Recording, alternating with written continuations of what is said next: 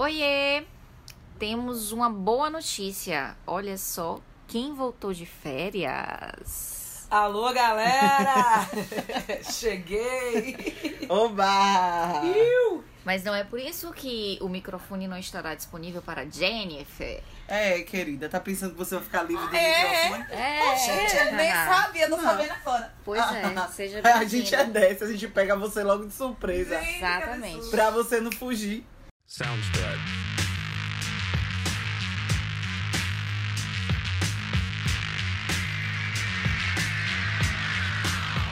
Então, o papo hoje, Michele. Hoje, então, da última, nosso último programa foi sobre histórias de férias. E o povo gostou, né?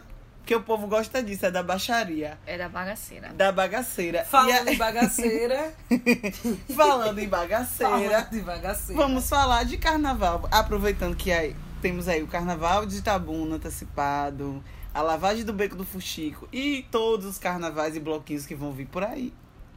Aí a gente vai falar sobre carnaval. E as pessoas mandaram suas histórias. Histórias deliciosas, histórias picantes. Vocês vão ver, se segurem. É, tá emocionante, tá, tá, tá foda. Você começa além da história ou cada um?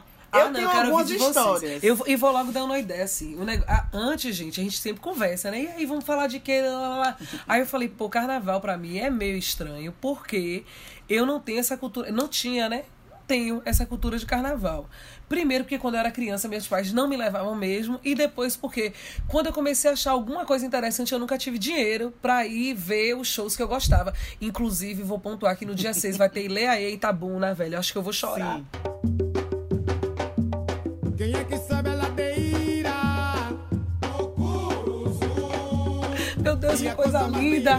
Estou ansiosa, ansiosa para essa lavagem do beco do Fuxico no dia 6. Estaremos Mas lá. é isso, só justificando mesmo porque é que eu não tenho histórias de carnaval, gente. Minhas histórias de carnaval é Unidos da Netflix, é as paradas mais assim. Então tá, conta sua história de carnaval primeiro. Eu tenho várias histórias de carnaval. Ah, Principalmente do carnaval daqui de Itabuna, porque eu era bem carnavalesca. Sempre fui carnavalesca, a louca dos glitter, a louca dos abadá. Juntava dinheiro pra comprar abadá. Enfim, e lá em casa sempre foi tipo assim, o QG do carnaval, porque eu morava no Conceição. E o carnaval é ali, né, nas Ismaron. Então eu morava ali no Conceição e, e muitos meus amigos de Itajuípe, de vários lugares, vinham passar o carnaval lá em casa. Aí, velho, já sabe, né? O que é que virava? Virava um brega da porra lá em casa. Minha mãe Ui, se que picava. delícia, quero. Minha mãe se picava, que ela não aguentava. Ela se picava, largava a, a bagunça lá. a Vocês lá. tomando suquinho gummy, que era assim na década de 90. Era, era. Para quem não sabe o tinha- que é suquinho gummy, galera, pega os Kisuke. kis- kisuke, aquele que rende 5 litros e fica Morango vermelho o dedo até a semana que vem. É. Se você bota o dedo no copo assim, encosta, até semana que vem o dedo tá vermelho. Era Morango isso Ou mesmo. uva. Isso, de preferência no corote. Não, ou a gente botava se você tiver num- rico na Orloff. Não, a gente botava num, na 51. Ou em qualquer. Rica, Na você, época, velho, tinha uma, tinha uma vodka chamada Ilhowski, que era fabricada em Ilhéus. Ai, olha que delícia. tinha, tinha isso. A gente Esses comprava jovens não sabem viver, não, Michele. A Jovens gente comprava essa vodka que era barata pra porra, Ilhowski, e misturava esse negócio. E o que é que a gente comia? Cachorro quente e feijoada. Eu Fazia- pensei que ela ia dizer o que, que a gente comia? Água. Eu achei que ela ia dizer o que, que a gente comia Não, uns pô. aos outros. Também, minha filha. Comia água, comia uns aos outros, comia tudo. Porque carnaval, você tá dizendo, é a festa da carne. É a festa de Gente. comer, então bora comer. Eu já tô aqui, ui, que loucura. Ui, que Como é o loucura. nome daquela mulher, gente, que fala isso? Narcisa. Tamo Tamo junto. Pois. Ai, que loucura. Então, aí é, a gente sempre juntava dinheiro e pagava em mil parcelas os blocos. E a gente teve um ano que a gente saiu, acho que foi no Badianga. Não, ó, dizendo isso, eu estou dizendo a minha idade. Não é mesmo? Não, você ia aqui com 13 anos. E aí a gente saiu no, no bloco no Badianga. E na época, o abadá, ele não era feito com esse tecido é, na- com malha. Malha. Era com tecido mesmo. Algodão. É um tecido de algodão que, que rasgava, era fácil de rasgar. Hum. Entramos no bloco, eu, meu irmão, meus primos, os amigos, uma turma grande. E meu irmão começou a discutir com o cara e simplesmente do nada, rolou uma briga. Ele meteu a mão nesse cara lá. E o cara, ele deu um murro no cara. E o cara, pra não cair no chão, segurou no abadá dele. O abadá dele rasgou. Ei. E o abadá dele rasgou aqui em cima, assim, em cima do peito. Ficou só o- a parte de trás. O sovaco. E o sovaco de fora, assim. E só um- uma, uma palazinha aqui em cima. E aí, Ficou a gola, literal. A sim, gola e a parte das praticamente. costas. É, a gola é a parte das costas. E as mangas? Não tinha manga. Era regatinha. Era tipo Regata. regatinha. Gente. E, e, o, e o cara caiu lá no lugar e. E, e aí o, o bloco seguindo aquele empurra-empurra. E o segurança do bloco viu meu irmão com essa porra dessa, dessa blusa assim, desse abadá assim. Botou ele pra fora. Falou, não, não pode ficar no bloco assim, não. E não sei o que, e pererê, aquela confusão. Eu falei, meu Deus. Não, eu vou voltar lá. No mesmo lugar onde foi a briga. Pra ver se tem esse pedaço do abadá. Sim. Justamente, voltei lá. Não é que o pedaço do aba- do abadá estava no cantinho, todo emboladinho, melado de lama, todo desgraçado. Oxe, peguei lá, dei uma sacudida assim, ó. Colou. Colei não, amarrei Deu aqui, um nó. não- dei um nó de um lado, dei um nó de outro, e aí a gente seguiu o carnaval. Nisso, ah, teve muita confusão. Essa foi, esse carnaval aí foi o mesmo carnaval da história do Lança Perfume. Que eu não sei se eu devo contar. Não, mas você contou. Eu já no contou, mas a gente episódio. Então, mas Cortou. A gente é cortou. agora. A hora é essa. A, A gente é cortou, não cortou? Melhor a do Lança história. melhor Perfume. Foi, gente. foi- eu acho Olha, que foi a nesse gente mesmo vai contar, dia. mas se contar e tiver que cortar, você decida. Pode. Foi nesse mesmo dia aí. Sim. Botaram. O, o cara brigou de novo com minha irmã, botaram o cara pra fora, enfim. E aí. É pra contar a história do Não sei. Perfume. Você, você decide. Conta, conta. Não, conta. depois- Vamos, fa- vamos fazer uma enquete. Quem quer ouvir a história do Lança Perfume? Eu. A gente vai botar uma enquete. Quero ouvir a história do Lança Pronto, aí Perfume. eu faço história. E aí, se a gente tiver 300 curtidas nessa, nessa postagem, a gente conta a história do Lança Perfume em Pronto, vídeo. Fechado. velho. Em vídeo, que é. Em vídeo. que é mais Eu emocionante. É mais emo- que é em barras de ouro que é melhor do que dinheiro. Pois Beleza, é. Pronto, 300 curtidas. Ô, porra, vocês que, vocês que vocês- lutem. Isso aí. Já pensou? A galera que tá assim. Pois é, contarei. Contarei e darei nome às pessoas Gente, que estão fazendo comigo. uma live aqui da gente. Meu eu tô aqui Deus. querendo me arrumar. Se eu soubesse, tinha vindo maquiada, diva. ai. É, eu tô toda relenta, parecendo uma doida aqui. Bicha, eu tenho um amigo que tem uma história parecida com a sua, do Abadá. Ele disse que eu podia contar. Ele tinha um- tem um primo, primo mais novo, primeira vez no Carnaval de Salvador. Oh, Jesus. E aí ele resolveu levar o primo pro Carnaval de Salvador. O primo foi de Havaianas. De Havaianas. por causa- É, segundo Jenny, Carnaval. carnaval de Havaianas. Aliás, eu vou pra quase tudo de Havaianas, só não coisas profissionais. Porque, minha filha, minha vida é uma Havaianas bem legal. As minhas Havaianas. Havaianas não duram, porque eu só saio de diga aí, Havaiana. Kenka, E de Havaianas para o carnaval, qual é o risco que a pessoa corre? Gente, leptospirose e hepatite, pelo amor de Deus. Deus protege as pessoas ignorantes. Nesse momento, Tem uma música, gente, que o povo dos blues Eu aqui nem da- sei disso, nem ouvi, ó. Ó, eu nem ouvi. Havaianas. Essa informação. Havaiana, se você estiver ouvindo isso, porque eu acredito que você está, porque eu penso grande, patrocina a Jenny. Patrocina a Jenny. Tinha uma música, gente, Sebastião Desatinado. Deus está do lado, está do lado dos doidões. Estava salvando o pé de Jenny esses É, anos confort- todos. é a confortável, confortável do carnaval. É a Havaianas. Enfim, este primo do meu amigo, no meio da confusão, perdeu a Havaianas, porque é isso que acontece com quem vai pro carnaval de Havaianas. Perde, né? E nessa confusão de procura Havaianas, se perdeu do, Do meu primo. amigo. E foi uma loucura. E eu sei que no final das contas, ele achou a Havaianas e só achou o primo horas depois. Essa é uma, uma história que ele disse que eu podia contar. A minha história de carnaval é, vai ser no carnaval de Tabuna também. Foi o- quando eu cheguei pra morar em Tabuna, não tinha carnaval em Tabuna. Só existia a lavagem do beco de vez em quando, não era frequente, de vez em Não é quando. porque era existia. tão velha, não, gente? É porque, É porque você. é porque você ela veio uma- na lacuna da, da É, relentagem. eu vi na lacuna da relentagem. Quando exatamente. Itabuna não era mais Itabuna, visite antes que acabe. É, exatamente. Não tinha, não tinha, não tinha festa, não tinha muita coisa. E aí ia ter essa, é, é, ia ser o primeiro ano da volta do Carnaval de Itabuna. Ia ser um- anos gloriosos. E é, eu fui todos os dias pra esse carnaval. E aí eu com esse mesmo amigo que perdeu o primo era quem me levava. E digo mais, do mesmo jeito que a mãe do primo falou só deixa você ir pro carnaval porque está indo com fulaninho, minha avó também ficava muito tranquila em casa porque eu estava com ele neste mesmo carnaval. Oh, meu Deus. Nossa. Mal sabia ela que ele já tinha Mal perdido o primo sabia. em Salvador. Mal sabia. Não, mas o primo foi depois, ainda por cima. Ah, ok. Ok. Ok, pelo menos não me perdeu. Verdade. A gente tinha o hábito de ficar até o cisco Ai, da festa. Tipo assim, eu voltava pra casa, eu passava na padaria e levava pão pra tomar café da manhã. Chegava completamente bêbada, morava com minha avó. Minha avó me recepcionava, bêbada. E eu verbalizava pra ela, estou bêbada. E ia dormir. No último dia me disseram que depois que tudo passava, tinha uma lavagem na Rolava, avenida. Rolava, rolava. E aí que não, a gente vai ficar pra essa lavagem da avenida. E, aí- e aí as pessoas indo embora e a gente ficando. E ficando. E ficando. E as pessoas indo embora. E aí foi cansando. Eu sentei, a gente éramos, estávamos em acho que umas cinco ou seis pessoas, a gente sentou no, na, naquela coisinha que fica da PM, na guaritinha da PM. A gente sentou ali, não tinha mais PM, a gente sentou ali. Não tinha nem mais. E era oito e meia da manhã, gente, amiga. Não tá vendo que não tinha bangueira, não tinha balde, não tinha pôr de água E era Nada, oito e meia da manhã. E era oito e meia da manhã. E a gente ficou lá. E aí veio chegando o pessoal da limpeza. limpeza. A gente falou, é agora. Mas aí o pessoal da limpeza virou pra gente e Varreu. falou, gente, vocês precisam ir embora, porque a gente vai desmontar aqui a guarita.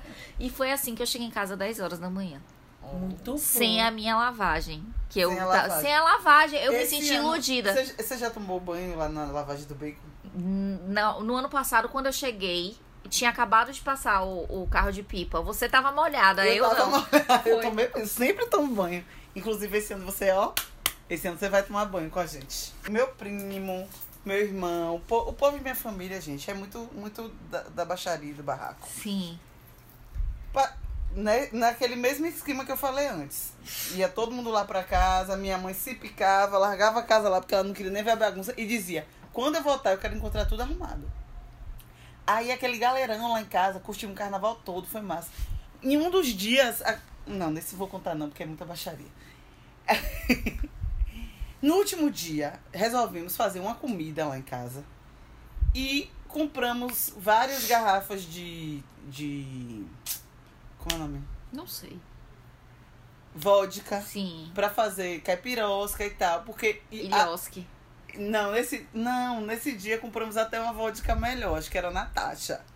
Ó, a gente fazendo propaganda das vodkas. Podia patrocinar a gente, É. né? E aí. é, A gente aceita em garrafas, A gente obrigada. aceita em garrafa. né, Jenny? garrafas. E copos personalizados. Ah, por favor. Da Natasha. Que a gente gosta. Sim. Sim, aí é, ficamos o dia inteiro nesse negócio, bebendo e comendo e fazendo essa algazarra toda, pra sair no horário que ia ter Margarete Menezes.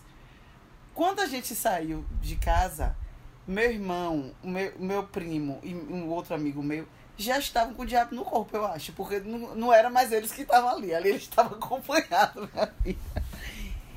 Saímos atrás de Margarete, uh, massa. De repente, eu tô vendo esse- um deles, que eu não vou dizer o nome aqui, chutando as pessoas das pernas das pessoas, dançando atrás Olha do trio e chutando as pernas das pessoas. Eu falei, isso não vai prestar, isso vai dar nada que preste. Todo mundo bêbado, todo mundo bêbado no último grau. E meu irmão sumiu e um foi, cada um foi para um lado. Esse bendito que tava chutando as pernas dos outros, a gente chegou no, no final do circuito, ele já tinha aprontado tantas, já tinha, já, já tinha cismado que um outro amigo da gente queria pegar a namorada dele. Ele já tava num grau de, de loucura tão grande que a gente falou, ó, vamos levar esse maluco pro posto, que tinha um postinho de, lá de saúde, de atendimento, pra dar uma glicose, porque não tem condição mais. Último dia de carnaval. Levamos essa- esse indivíduo pro posto. Sabe o que, é que ele fez no posto?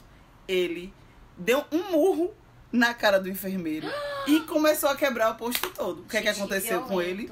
violento. Minha filha parecia que tinha um encosto nesse menino. Sabe o que aconteceu? Prenderam, levaram preso. Meu irmão, que tinha sumido porque estava se agarrando com alguém, Ai, se beijando.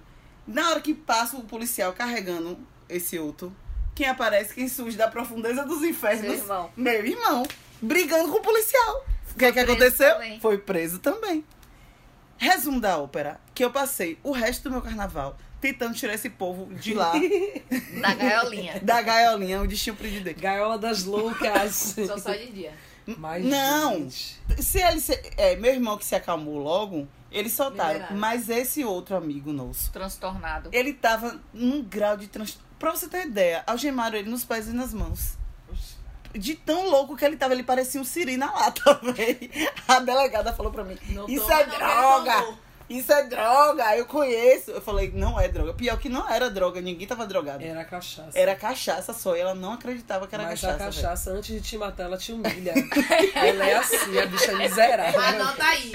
A cachaça Leve pra antes de vida. te matar. Leve pra pra vida. vida. Antes de te matar, ela te humilha. E aí, velho, sabe o que aconteceu com esse cara? Ao invés dele ser liberado, porque quando acaba a festa, é, é liberado. Ele aprontou tantas lá que mandaram pro complexo.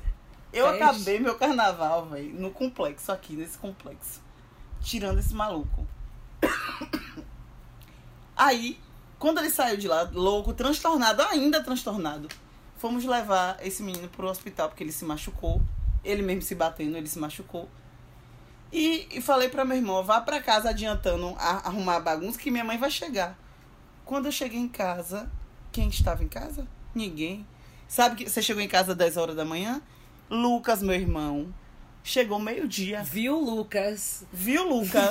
Chegou meio-dia. Ele falou que eu podia contar.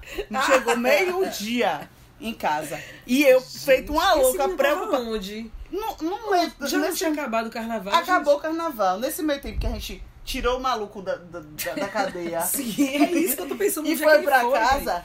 Na hora que eu fui levar o maluco no hospital, Lucas se armou. Lucas se- pegou, fugiu e voltou pro carnaval. Ainda que era tava rolando perto. de man- Meu Deus. Ainda tava rolando, a gente morava no Conceição, era muito. Oh, que pertinho. delícia. Ele desce, É, só fez descer a não ladeira e voltou Lucas, viu, pro gente? carnaval. Não julgo o Lucas. Mas, Lucas, Se eu tivesse na é vibe, eu também dele. teria A voltado. culpa é de Lucas. A Não, culpa é de velho. Mas depois velho. de ficar preso, de acabar com o carnaval de todo Mas, mundo. fia, Tem uma amiga rabo. minha que, que nessa de, ser, de, de soltar esses vagabundos da prisão. A coitada tomou uma queda, se ralou todo, que até hoje ela tem o joelho todo arrebentado, é velhinho. Ah, A bichinha até hoje. indenização. É, é mesmo, é Mas é o fogo no rabo. Eu entendo o Lucas por isso. Não acabou o fogo no rabo ainda, a festa não acaba. Que nem Queca. Tu acha que ela tava lá esperando, só sentada, esperando até 10 horas da manhã. Não. Tá o- todo o- mundo o fogo no rabo. O fogo no não rabo. é isso, velho. O Todo fogo mundo no querendo rabo curtir, é que- querendo dançar. O Tá. fogo no rabo é o que move o mundo, É o que minha move o gente. mundo, amiga. é o o E no carnaval, então. Então, Vou contar a história, minha gente. De um certo. Aliás, amigo não, é anônima essa pessoa, uma pessoa anônima. A gente estava falando em fogo no rabo. Então acho lindo, lindo fogo no rabo no carnaval. Acho que o carnaval ele foi feito pra isso, né? Claro. Inclusive. A pessoa diz assim. Olha, gente, eu vou fazer uma voz assim de locutora, porque ele colocou. Foi no carnaval de Olinda, três pontinhos. Há uns anos atrás, tava descolonizando meu corpo. Olha que Adoro, pessoa acadêmica, adoro, adoro, uma adoro. pessoa estudada. Adoro. Aí a pessoa disse assim: até então nunca tinha ficado com homens e me deu na telha de experimentar. Quem nunca eu também já É experimentou. o famoso. Tô aqui. É o famoso. É, tô aqui? Tô aqui, Tô aqui mesmo. nada, você também. Fogo no rabo, carnaval. Um que não? rapaz muito bonito deu em cima de mim. Hum, Bom aceito. gosto, bom gosto. É Irresistível. primordial. Quer dizer, a gente tá vendo o que ele tá dizendo, né? É. Porque vai que ele tava bebo e o É. cara nem era isso tudo. É. Mas tudo bem, ele aceitou o flerte e beijou-o nas ladeiras de Olinda. Olha que coisa linda. Ficamos ser o carnaval inteiro. É, esse foi romântico. É romântico, porque ficou o carnaval inteiro. Foi mesmo, foi É mesmo. verdade. Foi muito bom. A partir daí comecei a descolonizar ainda mais minha mente. Que massa. Descobri que minha sexualidade é fluida, fico com quem eu quero, não importa o sexo. O Carnaval de Olinda me mostrou meu melhor lado. Saudades, quero bis! Ui! Gente, eu gostei, porque, um, essa história sintetiza que fogo no rabo é que move o mundo mesmo. Claro. Porque ele já tava com fogo no rabo, ele nem sabia ainda. Dois! Dois, que Damares é louca, gente. Não existe. Quer dizer, a pessoa não quer engordar, para de comer. Não, você vai morrer de inanição, não é assim. Se você não quer engravidar, não quer pegar descer, você tem que saber como como fazer sexo. Então, eu não sei nem se o nosso amigo anônimo fez sexo, eu imagino que sim, tomara que sim, né? Porque ele Assim, disse que afinal gostou de tanto. contas, né, já tava descolonizando. Descolonizando Descolonizava Descolonizava logo, logo tudo. geral. Vez. Mas é isso, bebês. Usem camisinha na lavagem do Beco do Fuxico, no Carnaval de Tabuna, nos carnavais. E não só no Carnaval, né? Todo dia. Na não é à vida. toa que a Timbalada lançou Fui Namorar Cidinha e a camisinha não deu. Deu não. Deu não. camisinha não deu. Deu não.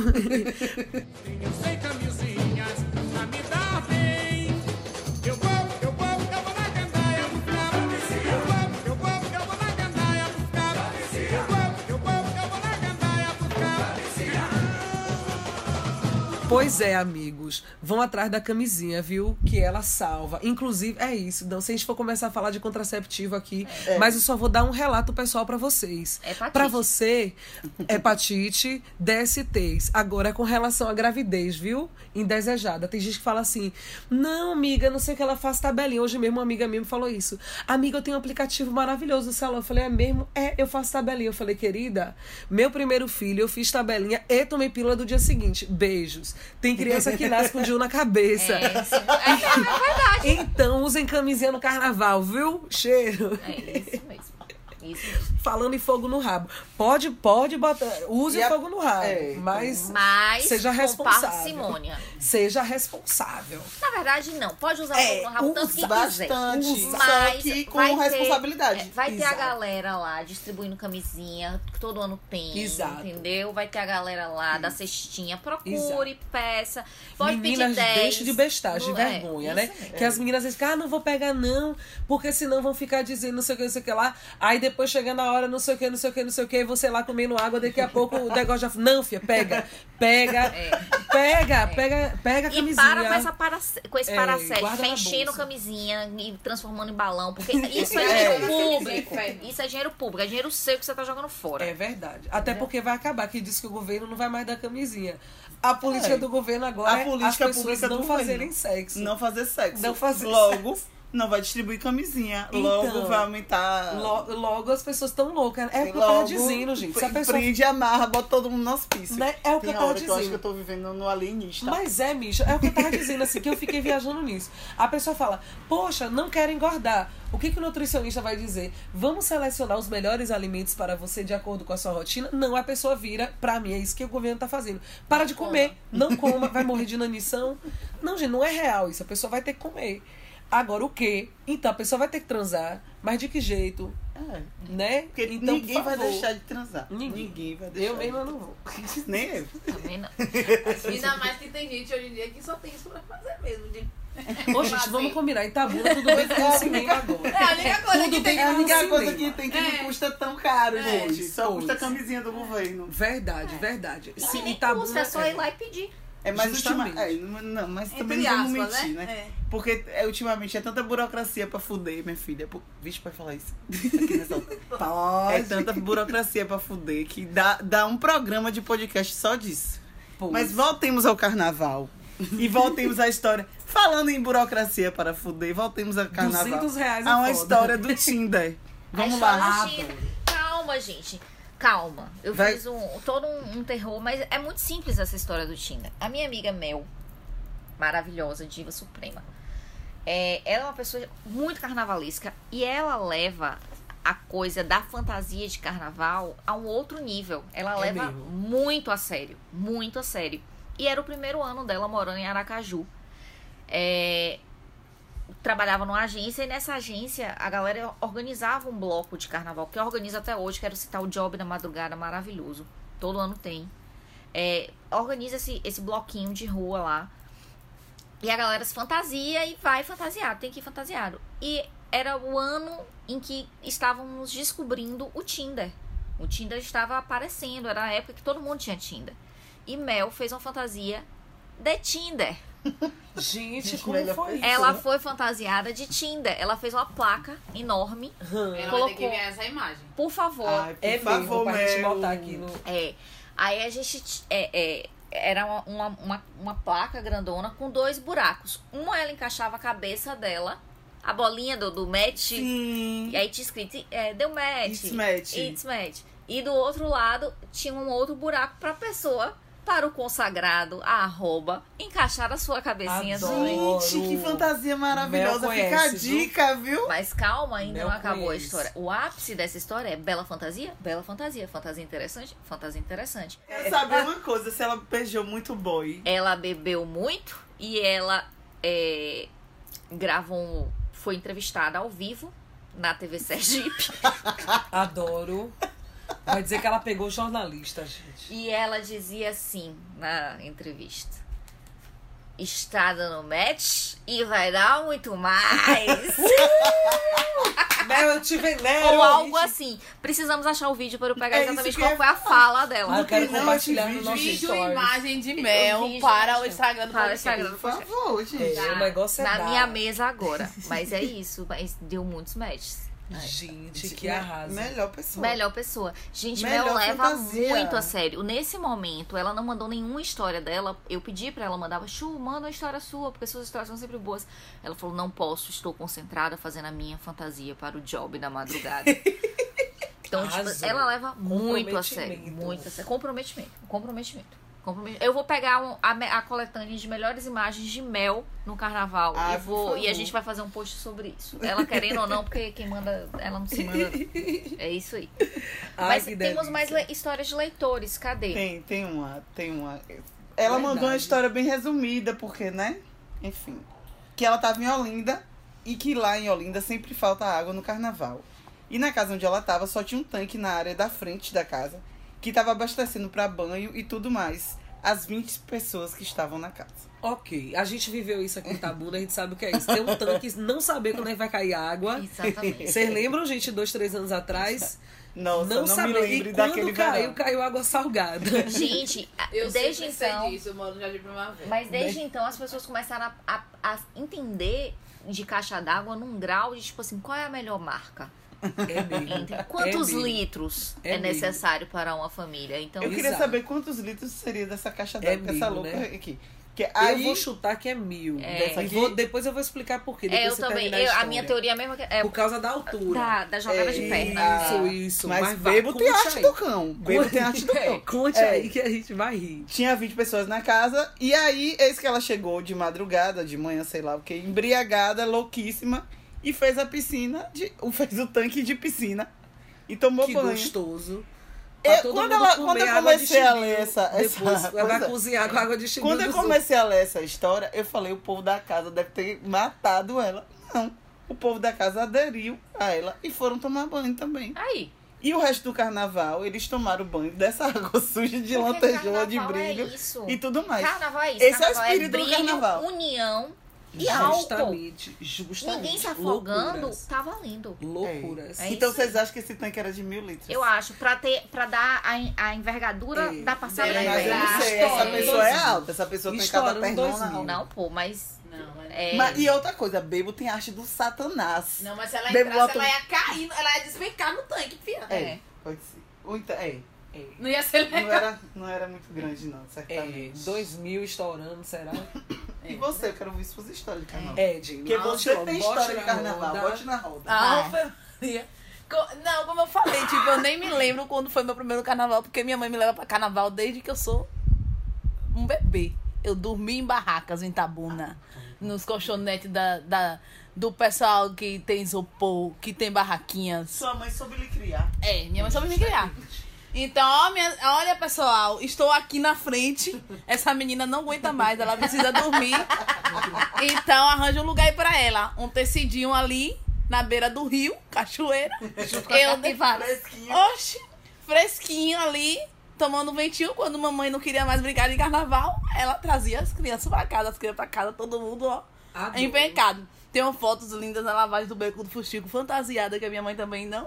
Eu, a gente não saía relenta, a gente saía bem arrumadinha, provavelmente com as- com a- bem organizada, entendeu? Sempre com as, com a- as tá, né? fantasias clássicas, bailarinas, Baiana. pirata. baiana. Exatamente, era um negócio bem organizado. Que lindo. Rapaz, eu vou lembrar de um carnaval assim que veio uma galera de Ilhéus aqui pra casa, porque assim, Itabuna era intitulado o primeiro carnaval do Brasil. Nós éramos pessoas muito famosas, viu, gente? Itabuna era o primeiro carnaval do Brasil, era carnaval antecipado. Que esse prefeito inventou, né? Vamos dar os louros às pessoas. É, só que aí os, os outros algumas outras cidades Começaram a enciumadas realmente- começaram a fazer, não, nós vamos ser o primeiro carnaval. Eu acho que, Tá. se eu não me engano, acho que Feira de Santana começou a fazer esse negócio de que queria ser o primeiro carnaval e tal. E aí começou esse, esse rebuliço. Uma micareta, né? De feira era Isso, grande isso. Aí o que aconteceu? É, aí em um ano, o prefeito foi e falou assim: ah, vocês vão ser. Pois não vai ser, não. E a gente vai ser o primeiro carnaval do Brasil. A gente teve um carnaveion. Tava? Misericórdia. Eu tava nesse carnaveion, bebê? De 98 pra 99, minha filha e o pessoal de Ilhéus que a gente conhecia, porque nas férias a gente, minha mãe é, transportava a gente pra Ilhéus, pra casa do- da minha avó. E a gente tinha muitos amigos em Ilhéus. Esses amigos de Ilhéus vieram tudo para essa casa, onde está sendo gravado o podcast, que é a mesma casa. Primos, todo mundo. Minha mãe trabalhando, né? De manhã ou de tarde e tal, e indo pro carnaval, que minha mãe era dessas. E a gente aqui, minha filha, a maior bagunça, é, pré-adolescente, 13, 14 anos. Sério, A gente ia de pé daqui de Primavera até o centro da cidade. Opa. Toda aquela renca. Toda aquela renca. Gilles, dá uns três Você tá segundos vendo pra dizer quem que não é o daqui. fogo no cu é que move o mundo? É, gente. Tô É. falando, gente. Curtíamos, curtíamos até de manhã, porque a gente não vinha mais cedo. Antes não, a gente não sai antes da festa acabar. Isso é regra. Que dia. Nós só saímos depois que a festa acaba. Entendeu? Nós tomamos banho de água, nós andamos naquele beco do Boulevard. São histórias. Eu não sei escolher uma história porque são histórias inacessíveis que acho que. É a minha carnaval. Eu amo carnaval. Amo, amo, amo, amo. E, e odeio pessoas que não gostam de carnaval. É. Eu nem, eu nem considero gente que não gosta de carnaval. Porque Sou pra mim, chata. carnaval é. Carnaval diz muito quem você é, viu?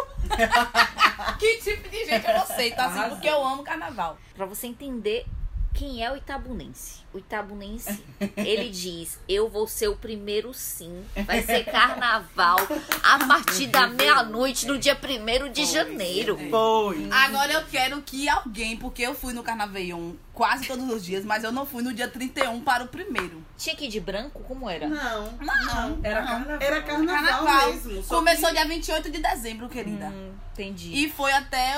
Eu Então acho ele foi além, além dele ter sido o primeiro carnaval do ano, ele foi também o último O carnaval último. do ano. É. Ele passou, foi. Itabuna tinha que estar no Guinness. Isso É, é, de. Guinness. O livro Aí eu quero saber quem foi no dia 31 para o carnaval. Porque eu quero saber essa história, porque eu não estava lá. Eu fui, amiga, eu acho. Você foi? Eu acho O que eu lembro que esse carnaval eu fiquei aqui, eu tava aqui. E aí também eu quero não falar nada, que, assim. tipo, nos finais do carnaval aqui em Itabuna também era tradição. É, o final do carnaval, a gente sempre voltava à avenida com é, Tribo de Já Misericórdia. Ah, é, tinha tribo de já. e Morrão Fumegante, alguma coisa de reggae. Esse ano vai ter. Morrão. Esse ano. Calmão e vai Morrão ter. Fumegante. É. Gente, eu nunca ouvi falar dizer, em A gente vinha- Não. Aqui já teve Cidade Negra, se eu não me engano. É, na A gente verdade, vinha encostada no trio elétrico, tipo assim, o trio elétrico. Sabe aquele final? Só aquela musiquinha a gente vinha dando. Ó, uh! até chegar no banco raso, meu querida. E todo mundo lotado de cravinho no juízo, porque cravinho era barato, era É. bom e alcoolizava. Mas eu não bebia, não, gente. Eu não bebia isso, não. Olha. Mas eu só ficava, ó, de olho, porque quem não bebe fica de olho nas pessoas que bebem, né? Na Agora- todas as tretas. Eu falei do, do Morrão Fume... Cine Calmon e Morrão Fumegante porque era a banda base dele, mas ele vai vir essa semana sozinho. Ah, é? É Essa que nem banda? Bob Marley e The Wailers. Tipo, é a banda base que o acompanha. Era a banda que acompanhava Cine Calmon, Morrão É, Fumegante. a gente terminava com reggae, era alguma É, banda de reggae. sempre terminava com Gente, no reggae. Boulevard não tinha barraca do reggae. É, Eu tinha aquele em tinha, 2004, tinha a rua do 2005. reggae. Ainda tem até hoje. Ó, Sim, gente, a gente o vai Carnaval de passado tem algumas tradições. Uma tradição é o beco do fuxico, né? É, Começa o carnaval com o beco Que é do muito legal. É, é, é muito legal. É uma É festa muito gostosa. bom. Tem os É. blocos É. tradicionais de mais de É, 30, a galera 40 antiga que curte carnaval há mil anos, né? Encantaste, É, 20 é. anos já na Avenida. É massa, é muito bonitinho. Tem os, os casados é irresponsáveis, muito o Maria Rosa, tem muito bloco, tem muita coisa legal. Sim. É muito legal, sim. E tem, a- e tem as, as peculiaridades. Gente, o beco do Boulevard, tudo acontecia Ali. no, no beco do Boulevard. Entre o beco do Boulevard e aquela praça Sim. da- do Góis Calmon ali, o pau quebra. Tinha eh, barraca de caravinho, barraca É. de reggae. O, o Até hoje todo. ainda, ainda se mantém ali o beco e tudo. Eu E acho é, que até hoje o beco ainda é ainda é tradicional, né? movimentado e é um ponto de encontro. É Isso. tipo, você quer pegar Meu aquele- bairro fica ali na esquina. Todo mundo do meu bairro fica no Boulevard. Velho, no meu, o povo A do meu bairro também encontra, ficava. a gente se encontra todo- quando a gente, tipo assim, ah, não sei onde é que eu vou ficar. As pessoas vão estar ali, meu bairro vai estar ali. Já na É. Tinha os blocos também ali. tradicionais que acabaram, infelizmente, né? Agora tem uma galera que tá investindo em camarote e tal. As coisas vão mudando. É. Mas tem algumas tradições que permanecem que são muito legais são. que a gente tem que aproveitar. É isso aí. É isso aí. Mas Ah. histórias dos nossos ouvintes, queridos. Tem aquela, aquela que tem lá no. no- é, me dá aí o.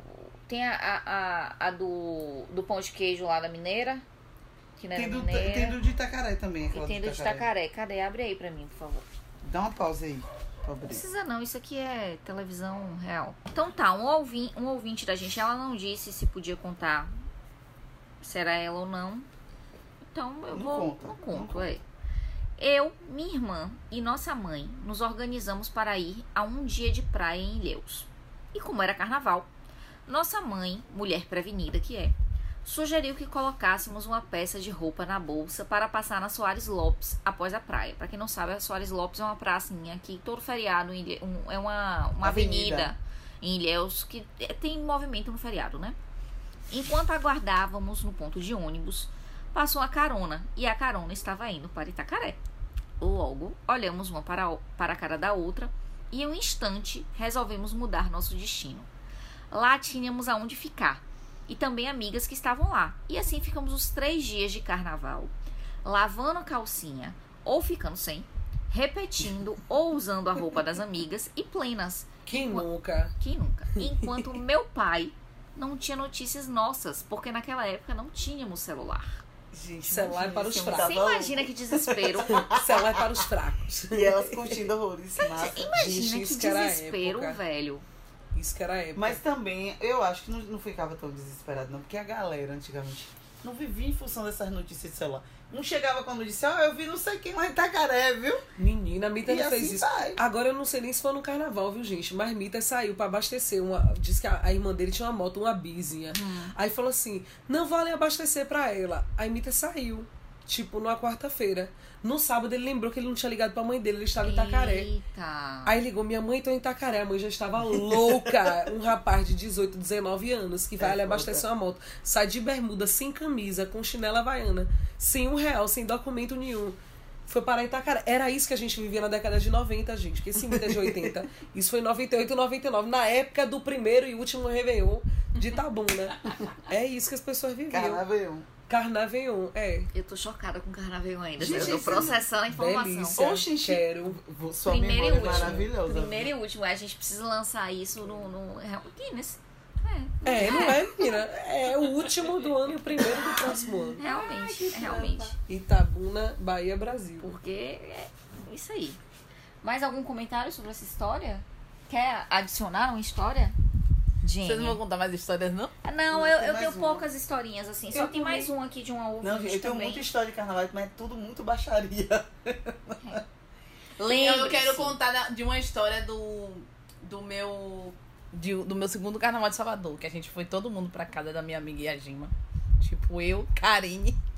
Léo, Dril, Liz. Ai, tinha mais gente. conhecessem essas A casa de personagens. Quem conhece essa galera já sabe que rolê foi esse. Olha, gente, vocês imaginam. Foi tão inesquecível esse carnaval. Foi tão lindo. A casa de Gima era pequena, então a gente tinha que se organizar pra tomar banho. tinha um, Gima tinha um quarto só, a gente dormia todo mundo na sala. Era muito, era muito legal. E a gente, tipo assim, eu tinha acabado assim a faculdade, então assim, tava todo mundo meio que desempregado, meio que tipo. Sem. Ai, volta tal dia, ah, daqui a três dias, daqui a quatro dias, não interessa, a gente tá aqui. Só que, né, é, o pessoal gostava muito de se arrumar. E principalmente Léo e Dril. Então, assim, a gente sempre marcava, vamos sair, vamos acordar, vamos sair tal hora. Nunca que isso foi cumprido, nunca. Primeiro que entravam no banheiro e não sabiam o horário de terminar o banho. E na hora de sair, eles sempre tinham. Eles trocavam as roupas duas, três, quatro vezes. E as meias. E a gente ia saindo, tipo assim, ó, então aqui na esquina. Um ficava na Oi. esquina porque tinha que dar uma pressão. Vamos sair, gente, vamos, vamos É, sair, vamos E sair. vamos combinar, amiga, mal baixaria dessas caras, desculpe, mas é- Uhum. porque eu, eu já pensei assim na situação que eu tava na estante em Morro de São Paulo. Sim. Nessa situação, sete pessoas numa casa com quatro. A pior baixaria é cagar. É.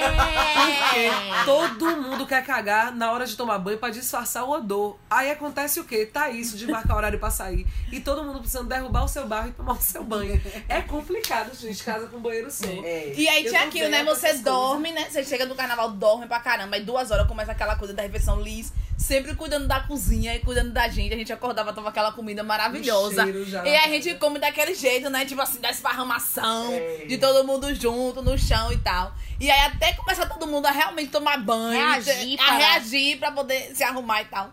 E os meninos eram muito. Era, é, era um espelho, velho. E era tanto glitter, e era tanto strass, e era tanta coisa. E era uma blusa Ai, que para era de. Liz e virou de Drill, e virou de Léo, e virou Mia, e, ou de Ajima, que virou de não sei quem, que virou de. Olha, era uma, era cubuca. é massa, É. né? Aí repare, Karine, Karine, doida, era um ano que Baiana Assiste, tipo, explodiu assim. Nossa. A gente em pleno Campo Grande. Campo Grande, aquele Campo Grande, o primeiro Campo Grande, acho que o primeiro Campo Grande de Baiana System, se eu não me engano. Massa. Filho, Eu a gente saiu. A gente saiu, né? Não, tá todo mundo aqui, todo mundo.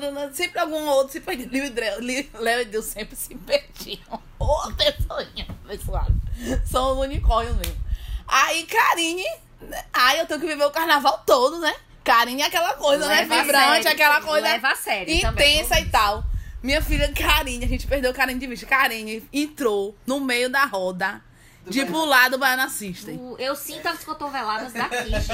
A gente não encontrava a Karine, fia. A gente não encontrava a Karine. Eu tô imaginando assim. Karine ficou sem sandália, ficou meio sem roupa, ficou meio sem nada. A gente encontrou Karine depois que a roda passou, que a roda se, foi. Gente. E ela ainda voltou pra pegar a sandália. Por isso que eu falei da a sandália de Havaiana novo. do brother. A Karine tava transtornada. Gente. Transtornada. Eu falei, amiga, você tá bem. Ela tava toda. As pessoas ficam assim, as roupas esgaçadas, a sandália, a bolsa, o cabelo, Os tudo. glitch todo borrado. Gente, não! Passou, parecendo que as- todas as pessoas da roda passou ela por cima dela. Só Você isso. tá falando aí, velho. E eu tô imaginando assim. E ela, e ela muito ficou assim, ó. Ela velho. ficou assim, ó. A gente, Karine!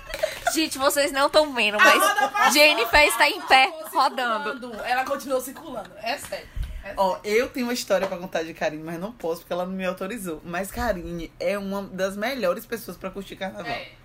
É uma companhia Se Ano ela foda. passado, do ano, fuxico, é, já ano tá- ela- ela passado, faz, já é, tá ela lá, faz, já tá- ela já faz. tá. É nóis. E ano outra- passado eu encontrei ela toda trabalhando na sereia. Eu que fiz aquela, aquela saia de sereia pra ela. Que lindo. Eu e ela ficamos o, o ano inteiro programando qual será a roupa, qual será o look que a gente vai usar no, no, no beco do Fuxico. E depois de amanhã a gente vai pra rua bater perna, descobrir logo. E já compramos meio quilo de glitter. Amiga, vamos passar lá em casa pra você pegar aquele maiô e entregar pra ela. Ah, Hum, ela, vai- ela, é, enfim. Gente, vai ser lindo, viu? Vai ser lindo. Ó, já tô aqui, vocês ó, vão encontrar a gente na lavagem do beco. Procure a gente na lavagem do beco. É, vocês vão encontrar a gente. E, e se 300 pessoas abraçarem Michelle na lavagem do beco, ela conta a história. Eu Vocês que conto. lutem. Eu, vocês que lutem pra me abraçar nessa lavagem que eu conto a história da baixaria. E é baixaria mesmo. Ei, que Ó, tem uma coisa que eu tô muito preocupada com, com essa história toda de carnaval de Itabuna. É sério. É, é, É sério. Tá preocupadíssima. Eu tô preocupadíssima, Tô sabe? Porque vendo, tô- passei na beira rio esses dias. Tava lá as capivarinhas, tudo lá, comendo as bichinhas na É. beira. E o a galera tá lá armando as barracas e as capivaras estão lá. Pra onde essas capivaras vão? Elas vão pro rio. Vão pro rio? É, Né, elas- Essa zoada. Elas vão com Conceição, É, né? elas elas, de descem, boas, elas é. descem lá Eu não sei, tô preocupada com as capivaras. Não vou Ou mentir. sobem lá pro lado do, da, como é? da Vamos ver bananeira, com né? algum biólogo. Vamos. É, Vamos. eu fiquei Vamos. preocupada, Isso é- porque tem Vamos. muita, Vamos. tem muita cheia de filhote, velho, as capivaras. Pessoal aí da biologia, veterinários. Isso. Fiquei pensando nisso, Vamos, velho. Será porque o que você- comportamento das capivaras? Ó, eu já falei, né? não mexa em minhas capivaras. Vamos Gente, tranquilizar a Michelle. Vamos Sendo capivaras e Itabuna, eu não duvido que elas entrem no circuito e É. falar com a gente pra tirar umas fotos Velho, Itabuna é a cidade do, carna... do carnavelão. É, tudo pode acontecer. gente. Ah, Eu e não aí eu quero não. complementar com minha, com minhas idas, porque também eu ia pro carnaval de Itabuna e também ia pra todos os carnavais de Leus. Eu também, também ia. Então, Também. assim, eu vi Ai, a primeira era apresentação do El na região, no carnaval. Maravilha. Carla Pérez, assim, Carla pertinho Pérez. de mim. Foi emocionante porque eu dançava todas as músicas. De roupa azul de bolinhas tipo. pretas. Ó, outra, outra pessoa que também, assim, foi. Lá no Malhada, no Carnaval de viu? Na época do É, Malhado. é. Malhadinho de açúcar para os íntimos. Outra pessoa Galera foi o de Xande do Harmonia, velho, aqui. A primeira vez que Xande do Harmonia veio aqui no Carnaval de Itabuna. Você não tem noção, não. Vem neném, vem neném. E aquele homem abaixava. E todo mundo, ui, meu Deus do céu. Que aquele homem rebolava, que é uma coisa doida. Ele segue rebolando, É? Michele. Que diz que virou crente no. no... Sim, mas ele segue rebola, rebolando. ele rebola. É Segue rebolando. Minha E ele é era muito grato a acontecer- Itabuna porque ele ficou famoso por causa da fita, a fita pirata que Ah, Itabuna é? soltou. Tinha um DVD, um DVD pirata. Que essa é uma característica de Tabuna também, É, gente. A Tabuna. gente pirateia tudo. Gente, a gente tinha os melhores, ó, os artistas que bombavam. Passavam É, por Itabuna e Ilhéus e ainda certeza. faziam músicas de homenagem. Hoje em dia a gente que tem que Com lutar. Fica a dica aí pra, pra o, a prefeitura, a organização do carnaval, melhorar a grade, né? Tá muito. É, Tá muito Tá esquisita. esquisita. Tá, Não dá vontade de ir pra rua, né? tá esquisita. Tudo bem que só em ter o carnaval numa, num momento desse já, Já é, é um muita avanço. coisa. Mas vamos melhorar, vamos melhorar. Vamos, vamos parar por aqui. E depois do carnaval, qualquer coisa, a gente faz um episódio 2 contando as nossas histórias É, do carnaval. eu acho. Na lavagem do beco. Vão pra lavagem do beco, gente. Isso. Lavagem do beco, olha. Lavagem são do- memórias inesquecíveis que você produz lá. O que a gente tem pra dizer é. carre- Carreguem bem glitter na cara de vocês, usem Isso. camisinha, bebam bastante água. E lembre-se que o fogo no rabo é o que move o mundo. Isso é importante que vocês lembrem, Isso. tá? É, é o que movimenta o mundo. Tendo isto em mente, o que mais que podemos dizer? Porque a gente tá enrolando. Você, você tem alguma coisa pra dizer pro, pro público de Não. Só que essa é a mistura do Brasil com o Egito. Exatamente. Tem que deixar pra dançar bonito. Brizoca, Justamente. a Então, sua mensagem final, Final, para a gente tá se despedindo, Brizoca. De carnaval, Do que você quiser, Brizoca. Fala aí. Apesar que. Brizoca, ela, ela solta mensagens ao longo da É ao longo da apresentação. mas só, só no final. Vai, Ai, meu lá. Deus, com pressão assim, eu, eu Não, trago, para o carnaval, o que branco. você tem? Gente, pro carnaval que Não, pro fazer? carnaval, o que, o que se deve fazer? É. Se hidratem. Comam água, mas bebam muita água também. É uma garrafinha de. Até porque, assim, né? É 50% droga, 50% salada. Pra você ir ficando bem. Então, água e comissão de água. Água e mais comissão de água. água e mais Redução de comissão de, água. danos. Redução de danos. E eh, peguem a camisinha do povo da prefeitura que vai passar distribuindo. Exatamente. E usem! E usem! usem! Usem Não façam mesmo, balão. não façam balão. Exatamente. E se for de, de, de, de Havaiana, cuidado, gente, pelo amor da leptospirose, é sério. é Evitem sério. boy lixo. É bom. Evitem É, boy evitem lixo. boy lixo. Antes de beijar alguém, perguntem quem você votou. Pronto. Beijo. Beijos. É isso. Beijo. Beijo, Tchau. Tchau!